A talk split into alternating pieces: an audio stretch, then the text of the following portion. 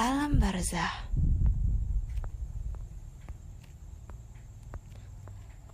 Aku adalah tempat yang paling gelap di antara yang gelap. Maka terangilah aku dengan tahajud. Aku adalah tempat yang paling sempit, maka luaskanlah aku dengan bersilaturahim.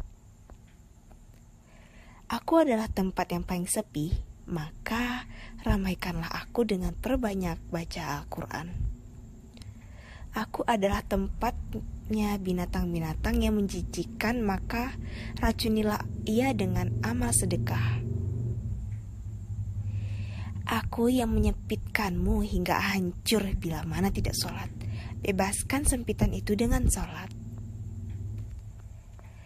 Aku adalah tempat untuk meredamu dengan cairan yang sangat amat sakit. Bebaskan rendaman itu dengan puasa. Aku adalah tempat mungkar dan nangkir bertanya. Maka persiapkanlah jawabanmu dengan perbanyak mengucapkan kalimat La ilaha illallah.